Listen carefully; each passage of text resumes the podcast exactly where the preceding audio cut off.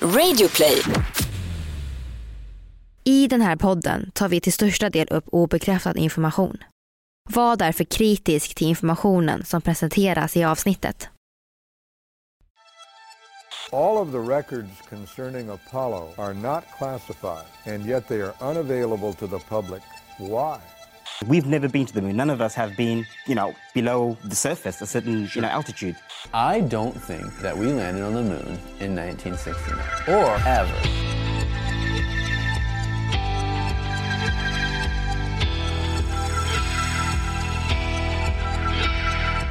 Ni lyssnar på Konspirationsteorier, en podcast med Vivi och Aida.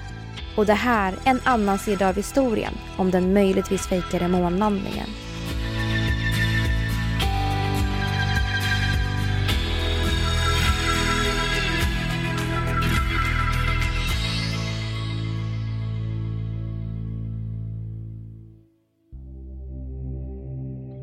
Det har gått exakt 50 år sedan miljontals människor satt bänkade framför tv-skärmarna. Helt upprymda, exalterade och lättade men även trollbundna. Bilden på tvn visar en stor otymlig vit rymddräkt som tar det historiska steget ut på månens yta. Handen stöds mot rymdfarkostens stege. Med knastrande ljud från den gryniga tv-skärmen hörs Neil Armstrong säga det välkända citatet One small step for man, one giant leap for mankind. Ett litet steg för människan, men ett jättekliv för mänskligheten. Och hemma på jorden firar hela USA. Neil Armstrong, Edwin Buzz Aldrin och Michael Collins har äntligen gjort det. De tre männen har äntligen landat på månen och med det också vunnit segern till USA. Året var 1969, den 20 juli och det fanns inga tvivel på att denna historiska händelse skulle firas. USA, som fortfarande sörjde sina förluster i Vietnamkriget, kunde äntligen andas ut. De hade äntligen vunnit kapplöpningen mot Sovjetunionen. Folk samlades kring den glada nyheten, firade Tre dagar efter månlandningen återvände männen hem och då fanns det inga tvivel, teorier eller anklagelser om fusk. USA hade faktiskt gjort det. De hade besegrat Sovjetunionen och månen var nu deras. Och den 20 juli benämns fortfarande som National Moon Day i USA som en påminnelse över deras, enligt NASA, största teknologiska händelse genom tiderna. Många tyckte nog att USA egentligen kunde åstadkomma vad som helst, om bara viljestyrkan fanns. Men flera år efter att Apollo 11 återvände till jorden var det inte alls lika självklart att det faktiskt hade varit på månen. Saker och ting var inte lika lätta som de verkade på tv-skärmen just den dagen då de landade. Ända sedan mitten av 1970-talet har NASA, den amerikanska rymdfartsorganisationen, tvingats bestrida rykten om falska månlandningar sedan Apollo 11. Att alla filmer och fotografier var tagna i en studio i Nevadas öken. Så hur kommer det sig att trots över 40 år mot argument så har NASA fortfarande inte lyckats övertyga människorna att månlandningen faktiskt ägt rum? Fortfarande tror ungefär 20% av den amerikanska befolkningen inte att den har ägt rum. Det må vara ett litet steg för människan, men det är då ett stort steg för en konspirationsteoretiker. För landade de verkligen på månen? Eller kan det vara så att det faktiskt aldrig hände? Idag ska vi prata om kanske en av tidernas största och mest intressanta konspirationsteorier. Nämligen en möjligtvis fejkad månlandning. Det här är en podcast för dig som är intresserad av en annan version av verkligheten. En version som tar upp alternativa teorier, mystiska sammanträffanden och diskussioner om vad som kan vara sant.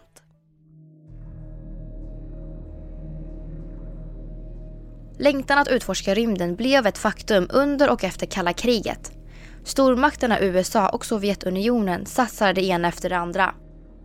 Man kan faktiskt påstå att en del av kalla kriget faktiskt pågick utanför jordens atmosfär. Idag, många år efter kalla krigets avslut, kan vi nästan titta tillbaka på kriget och på rymdkapplöpningen och se att ISS, den internationella rymdstationen, i princip kan ses som en symbol för att kalla kriget var över. År 1957 överraskade Sovjet med att skicka upp Sputnik 1, den första satelliten, i rymden. Sputnik kunde synas från jorden som en lysande prick när den kretsade i sin omloppsbana. Världen blev helt förbluffad och inte minst när Sovjet bara en månad senare skickade upp Sputnik 2. Farten i den nya satelliten var skrytsam. Hela 8000 meter i sekunden. Och de som inte blev imponerade av just det fascinerades förmodligen över satellitens passagerare. Nämligen rymdhunden Laika. Sovjet mätte nämligen blodtryck och hjärtat på hunden och kunde ta del av dessa uppgifter på jorden. Sputnik chockerade hela USA. Rymdåldern var här och Sovjet var helt klart överlägsna. Ett stressat USA som nu låg en ganska lång bit bakom Sovjet satsade stort på att komma ikapp. Det handlar inte längre bara om teknik. Det handlar om prestige och självkänsla, om en överskattad teknik. En ny era hade helt klart vuxit fram. Trots USAs längtan att utforska rymden blev Sovjetunionen också först med att skicka upp den första människan i rymden. En uppseendeväckande stjärnstatus uppstod för Sovjet runt om hela världen. Så USA svarade helt enkelt på detta genom att skapa National Aeronautics and Space Administration, NASA, vilket skulle komma att spela en stor roll för rymdforskningens framtida utveckling. I USA slet NASA hårt med planeringen för kommande rymdfärder. Bland annat ett rymdlaboratorium, en rymdfärd runt månen, en månlandning och ja, mycket mer. Men de var rätt säkra på att Sovjet faktiskt skulle hinna före dem. Presidenten John F Kennedy fattade då ett viktigt beslut för USAs framtid som han avslöjade i ett tal år 1961. Vilket i efterhand kan vara just därför USA vann kapplöpningen. I believe that this nation should commit itself to achieving the goal before this decade is out of landing a man on the moon and returning him safely to the earth. Kennedy berättade att före årtiondets slut skulle de ha landat en människa på månen och även tagit honom tillbaka i säkerhet. Det blev ett sätt för USA att visa sig starkare under det pågående kalla kriget. Ett sätt för dem att visa att Sovjet inte hade en chans mot USAs teknik, viljestyrka och mod. Nu hade den riktiga rymdkapplöpningen börjat. Men USA hade mycket att ta ikapp på kort tid och stressade försök ledde till många misstag och mycket kritik. De blev kallade det ena och det andra. Allt ifrån Flopnix, Sputniks, Kaputniks. Och givetvis blev det här en dyr historia i USA och många började höja sina röster. Varför spenderades inte pengarna på skolor och att hjälpa fattiga? Sovjet var noga med att bara låta framgångarna skyltas med. Men i USA skedde allt sammans öppet för allmänheten att beskåda. Bevakare av både radio och TV fick människorna följa misstag efter misstag i många, många år. Fram till satelliten Explorer 1 som på ett sätt blev USAs efterlängtade vändning. Äntligen blev det lite fart på kapplöpningen och folk började förstå fascinationen som Kennedy hade till rymden. Han fick däremot aldrig se månlandningen själv eftersom att han blev mördad år 1963. Vi spolar fram tiden till 1969, året för månlandningen. Apollo-programmet blev svaret på allas frågor. Det var USAs tredje rymdprogram med syftet att bemanna farkoster och utforska månen. Den efterlängtade resan till månen hände år 1969.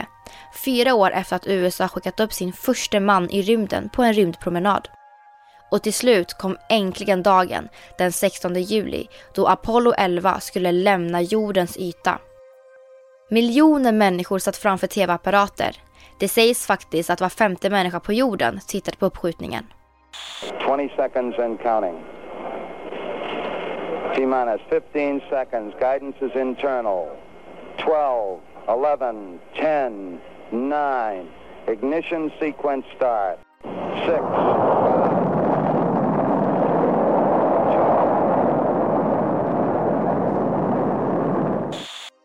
Klockan 19.32, lokal tid, sköts den upp och 12 minuter senare gick den in i omloppsbanan kring jorden innan den fortsatte i bana mot månen. Efter en färd på fyra dygn är de redo att lägga sig i bana runt månen där de kretsade i 30 varv innan de tre männen kunde se landningsplatsen, Stillhetens hav. Neil Armstrong och Edwin Buzz Aldrin landade med månlandaren The Eagle medan den tredje mannen, Michael Collins, cirkulerade i bana runt månen med moderfartyget. Det pratas mycket om en nervpirrande och dramatisk landning på månen. The Eagle skulle egentligen ha landat på en annan plats men som enligt Armstrong inte skulle fungera. Resultatet av det blev då att de hade för lite bränsle och höll på att krascha in i klippblock. Även fast denna dramatik blivit rätt överdriven med tiden. Men slutligen hör vi Armstrongs första meddelande till basen i Houston, Texas. Houston, uh, Tranquility Base here. The Eagle has landed. Knappt ett dygn senare lämnar astronauterna månen för att ge sig av hemåt mot jorden igen. Där de landar den 24 juli. Innan de lämnar månen placeras den amerikanska flaggan ut med citatet “Här satte män från planeten jorden för första gången sin fot på månen, juli 1969. Vi kom med fred för hela mänskligheten.” President Richard Nixon mötte dem på fartyget i Stilla havet där de landade och glädjes med männen över att det hade varit en lyckad resa. USA hade gått segrande ur rymdkapplöpningen och besegrat Sovjet. Astronauterna åkte från Houston till New York, Chicago och Los Angeles där de möttes av konfettiregn och gator fyllda med människor som jublade. Med bara några få månader kvar till 1970 hade USA lyckats med sitt mål som president Kennedy lovade i talet i början på 60-talet. De hade landat en människa på månen och i säkerhet fört denna tillbaka. Bra timing, det kan man definitivt säga.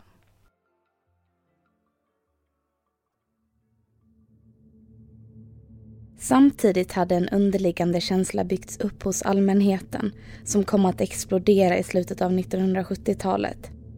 Det var något förbryllande med månlandningen. Amerikas befolkning må ha levt i en glädjefylld tid med tankarna på sina tre hjältar och nya stjärnstatus. Men i hemmen började en känsla krypa fram. En känsla av att NASA hade gjort någonting som faktiskt var just för bra för att vara sant. Och på alldeles för kort tid.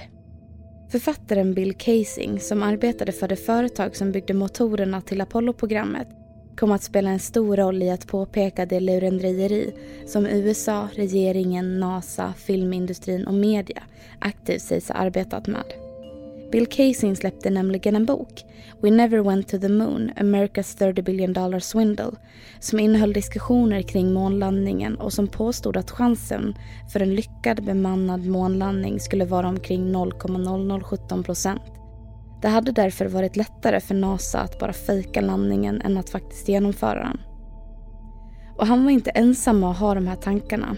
Många anklagelser inkom till NASA om fejkade landningar på månen under 1970-talet. Även fast det kanske inte verkar speciellt otroligt så kom en av de första anklagelserna från Flat Earth Society som menade att allt som NASA hävdade var en lögn. Hela det här äventyret kom passande nog samtidigt som filmen 2001 Ett rymdäventyr som på ett realistiskt sätt framställde en månlandning.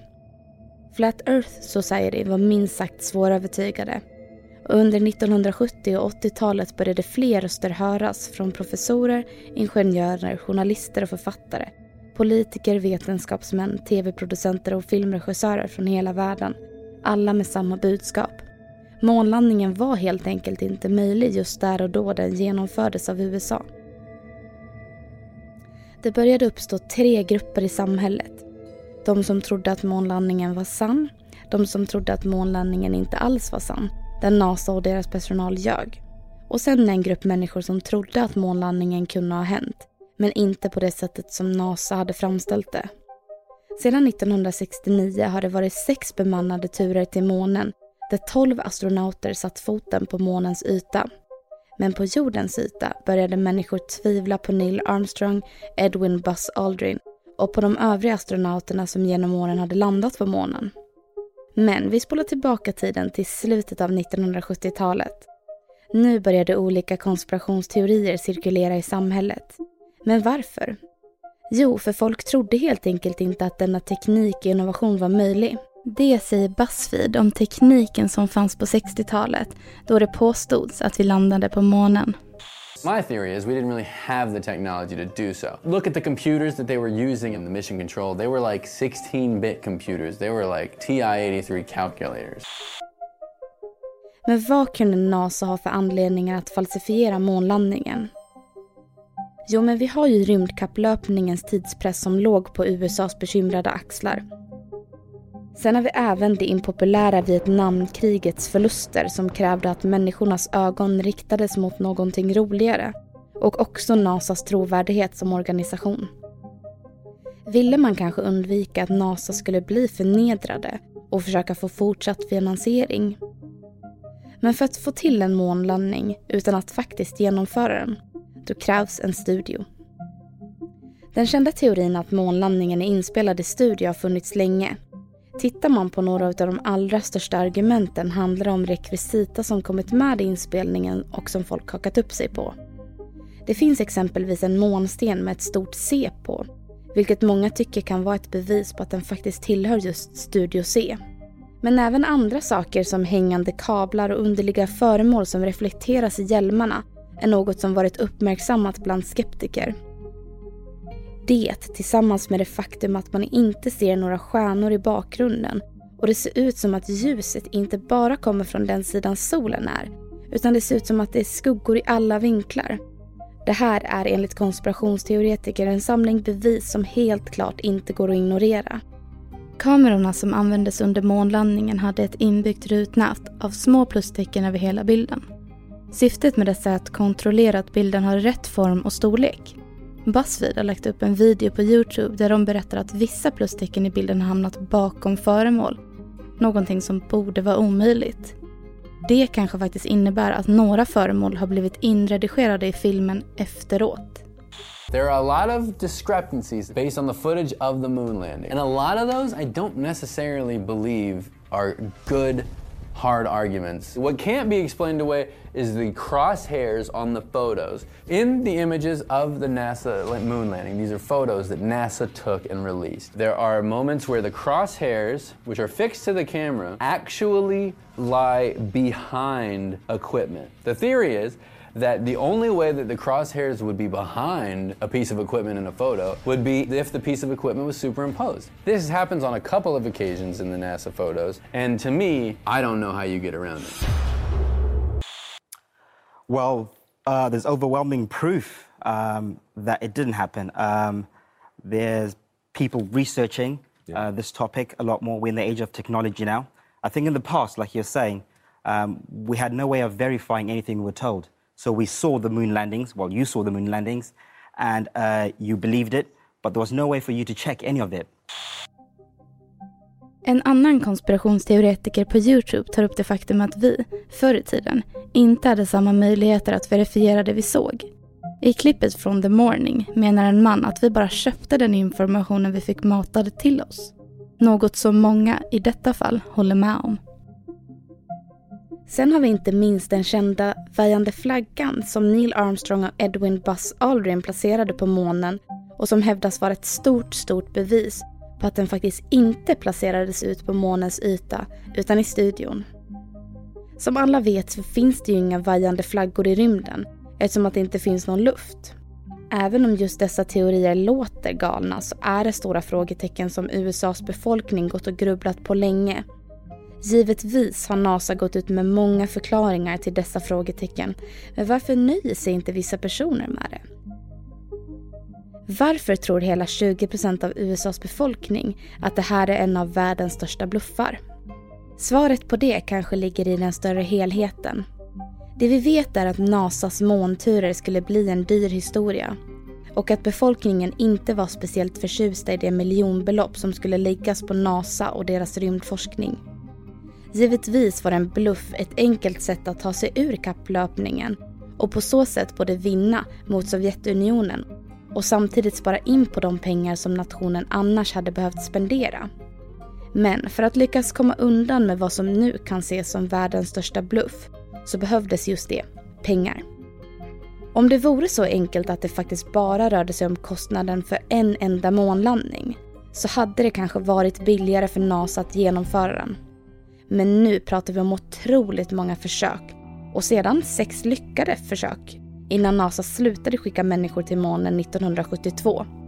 Kostnaderna för alla dessa hade blivit oändliga. Speciellt om vi faktiskt leker med tanken och säger att Apollo 11 faktiskt inte genomfördes. Utan NASA fortsatte med sina försök, men under radarn. Så låt oss nu säga att NASA faktiskt var villiga att muta alla ingenjörer, tekniker, forskare och astronauter som var involverade i Apollo-programmen. På så sätt hade landet räddat sig ur Kennedys dumma och omöjliga löfte om att landa en människa på månen innan 1970. Och det är här den här teorin blir riktigt intressant.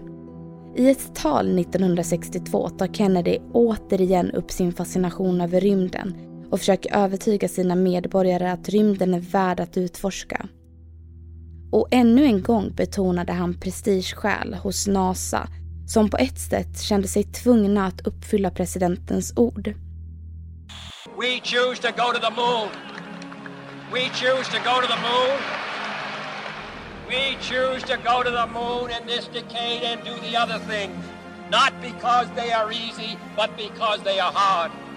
Because that goal will serve to organize and measure the best of our energies and skills because that challenge is one that we're willing to accept, one we are unwilling to postpone.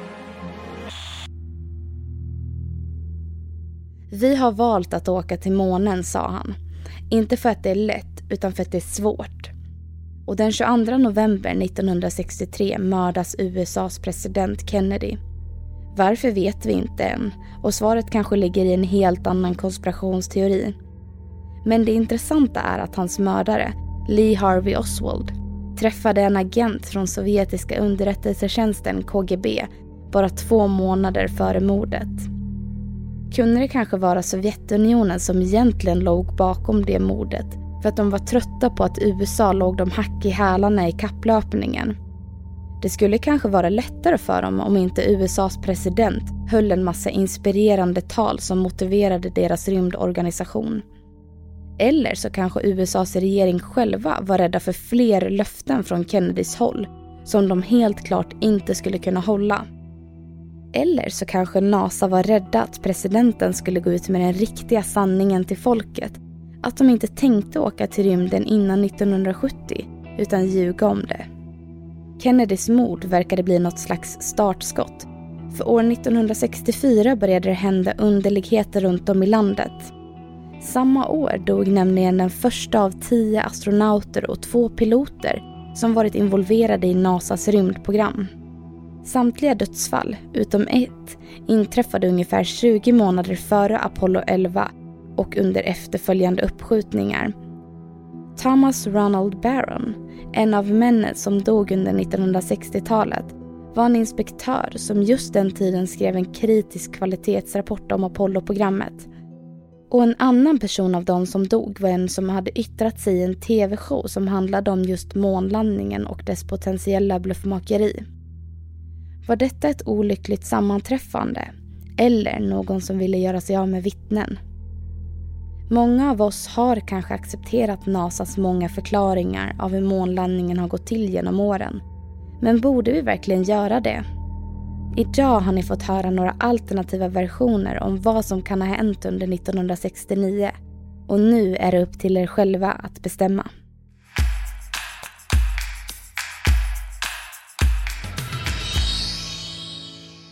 Nu har vi då kommit till diskussionen igen, men i det här avsnittet så kommer det bli lite annorlunda i och med att Alltså jag tror på månlandningen så jag har inte så mycket mer att diskutera om det och det gör väl du också? Ja. Så det vi har bestämt oss för att göra är att i det här avsnittet så kommer vi att prata om mindre teorier som vi har hört om månen och kollat upp. Så vi kan ju börja med det du har hittat. Japp. Ja, det blir ett begrepp eh, som vi börjar med.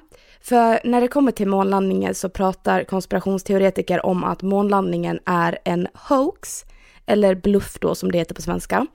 För på engelska så kallas den här teorin för moonlanding hoax Och eh, många menar då att det är en av världens största bluffar. Eh, för en hoax, eh, det är en lögn eller en bluff då som är tillverkad för att verka som sanningen. Och när vi ändå pratar om hoax eller bluff då, så kan vi prata om filmen 2001, ett rymdäventyr. För eh, konspirationsteoretiker tror då att Stanley Kubrick blev anställd av USAs regering för att spela in filmen så att de då skulle få materialet som de behövde för att falsifiera månlandningen. Och kort och gott, Stanley Kubrick är ju då filmregissören. Och alltså jag kan ju bara säga att i och med att jag tror på månlandningen så känner det här är bara, alltså för mig är det här bara en jätteonödig insats för att fejka någonting. Mm, Det Precis. känns jättekonstigt. Men alltså, jag, jag tror ju också på månlandningen, men en så här uh, sidogrej till det här. Mm. Eh, det är ju typ att jag tycker inte att man ska så blint acceptera eh, någonting som någon säger till en bara för att den personen är så här högre i rang. Vad ska man säga? I hierarkin Alltså, typ, eller vadå? Ja, men så här, om en lärare berättar för mig att ja, men eh, vi åkte till månen på 60-talet. Varför ska jag köpa det bara för att den läraren är en lärare? För att jag borde ju kolla upp det här själv egentligen. Alltså det handlar ju om källkritik egentligen. Ja, och det Förstår du vad jag menar? Så här, makthavare och sånt säger grejer till oss och vi bara accepterar det bara för att de är där de är. Men vi, alltså, nu är det ju, vi kan ju inte åka upp och kolla på månen. Men om man kunde det så hade jag velat gjort det bara för att se. Så att rätt är rätt och att månen är där. Mm. Jorden skulle kunna vara platt så, som vi vet, för vi flyger ju bara från ett ställe till ett annat. Vi vet, alltså, Jag fattar vad du menar. ja. Liksom, vi, vi som är på jorden kan inte se att den är rund eller whatever. Menar Nej? Ja. precis. Vi bara accepterar. Det är lite intressant där, för att vi kan ju prata om att vi tror på månlandningen, men alltså, varför ska vi göra det egentligen? Varför ska vi tro på det vi blir matad till oss? Mm, ja, alltså jo men jag håller med där. För grejen är ju den, man har ju alltid fått lära sig att, ja, men, att saker är på det sättet eller på det andra sättet liksom. Mm. Och så gör vi ju med allting egentligen. Bara det är någon med högre makt eller så som säger någonting till oss så bara accepterar vi det.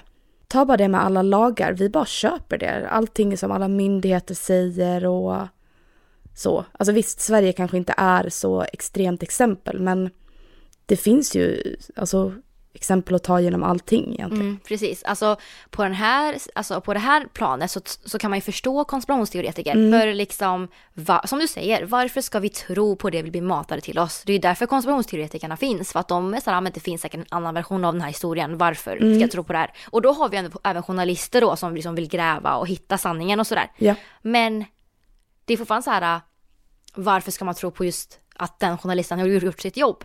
Precis, och alltså varför ska jag tro på det när jag inte var där? Jag var inte född.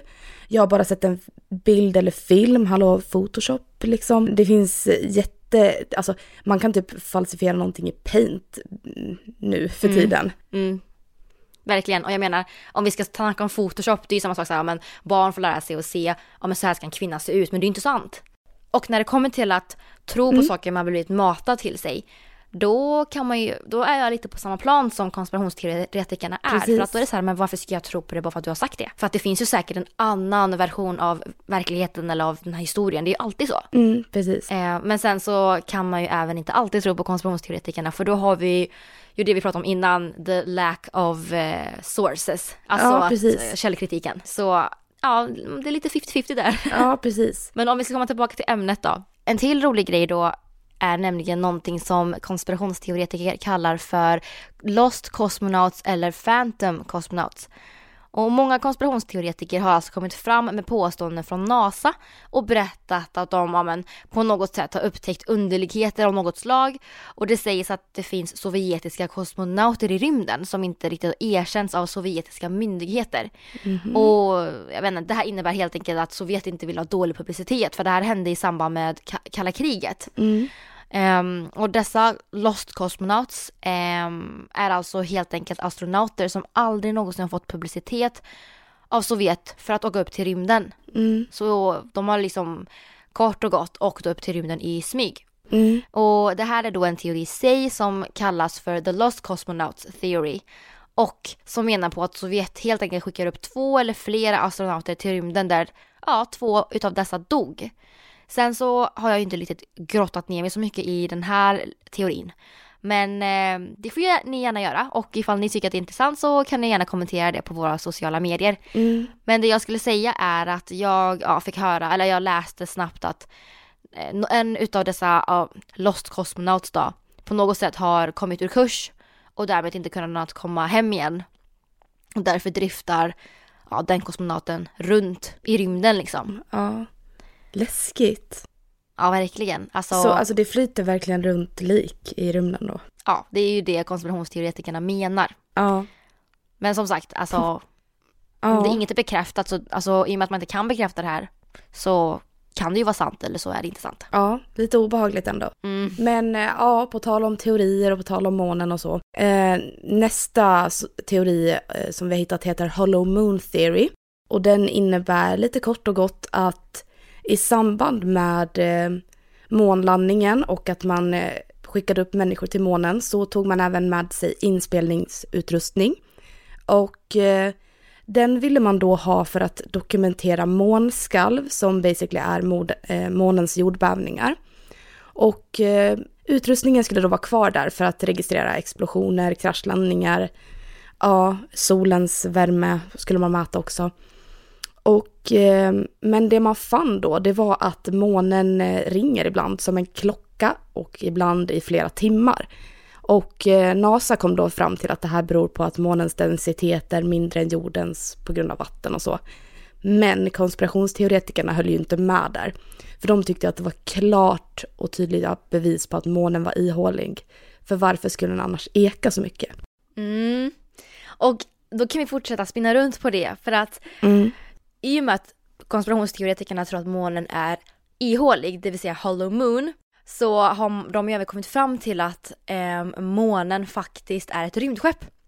Mm. Och eh, liksom att det är, en rymdskepp, det är ett rymdskepp som är placerat av någon utomjordisk varelse Ja, och blivit lämnat där. Och det är ett gammalt rymdskepp. Men som sagt, det här är ingenting jag grottat ner mig i utan det är någonting som jag bara har liksom bläddrat igenom och sett snabbt. mm, Så återigen, ifall ni vill grotta ner får ni jättegärna göra det och berätta för oss. mm, Men någonting annat som jag även har hittat är att till den här dagen så finns det flera teorier som försöker förklara hur månen kom att cirkulera vår, runt vår planet mm, och även dess förhållande till jorden. mm, Och då menar alltså vissa konspirationsteoretiker ehm, att månen då har blivit placerad i vårt solsystem nära vår planet för att vi är bevakade. Då menar de helt enkelt att det är en utomjordisk varelse som sitter antingen på eller i månen så att säga, och bevakar oss. mm, Eh, och detta har alltså konspirationsteoretiker baserat på olika anomalier, till exempel på the hollow moon theory. ja, Så det är jättekul. Och en till rolig grej, det är ju även vissa människor som tror att månen är en hemlig bas. ja, herregud. Alltså, ja, många tror ju även att, eh, eller många och många eh, konspirationsteoretikerna tror ju även att det finns eh, nazister på månen. Mm, och de tror ju även, eller de, okej, men Ja. några tror ju även att Illuminati faktiskt är på månen. Ja, nej. Vad tror sitter du där då? och sitter där och gömmer sig. Styr oss från Ja. månen. Ja, nej. Men för att komma tillbaka lite till själva månlandningen då. Mm. Och framförallt då till 1969. Eh, för som ni vet så är ju djävulstalet 666.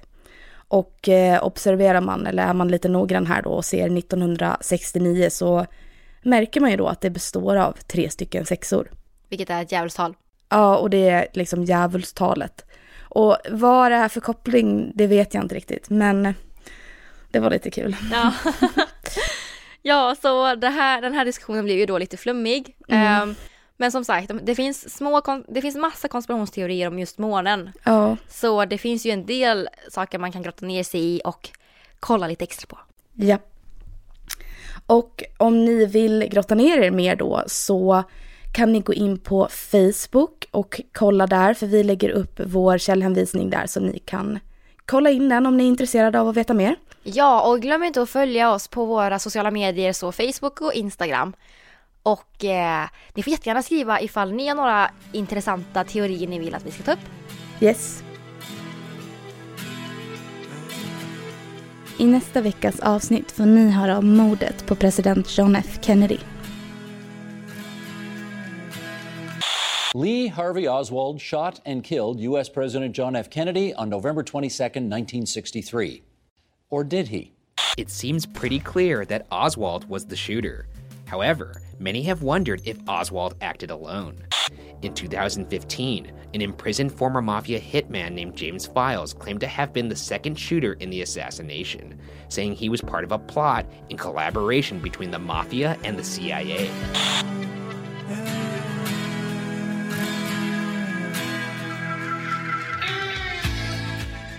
Ni har lyssnat på konspirationsteorin om den möjligtvis fejkade månlandningen med Vivian Lee och Aida Engvall.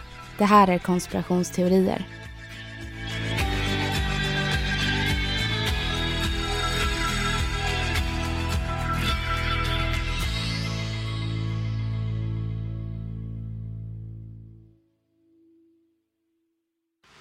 Radioplay.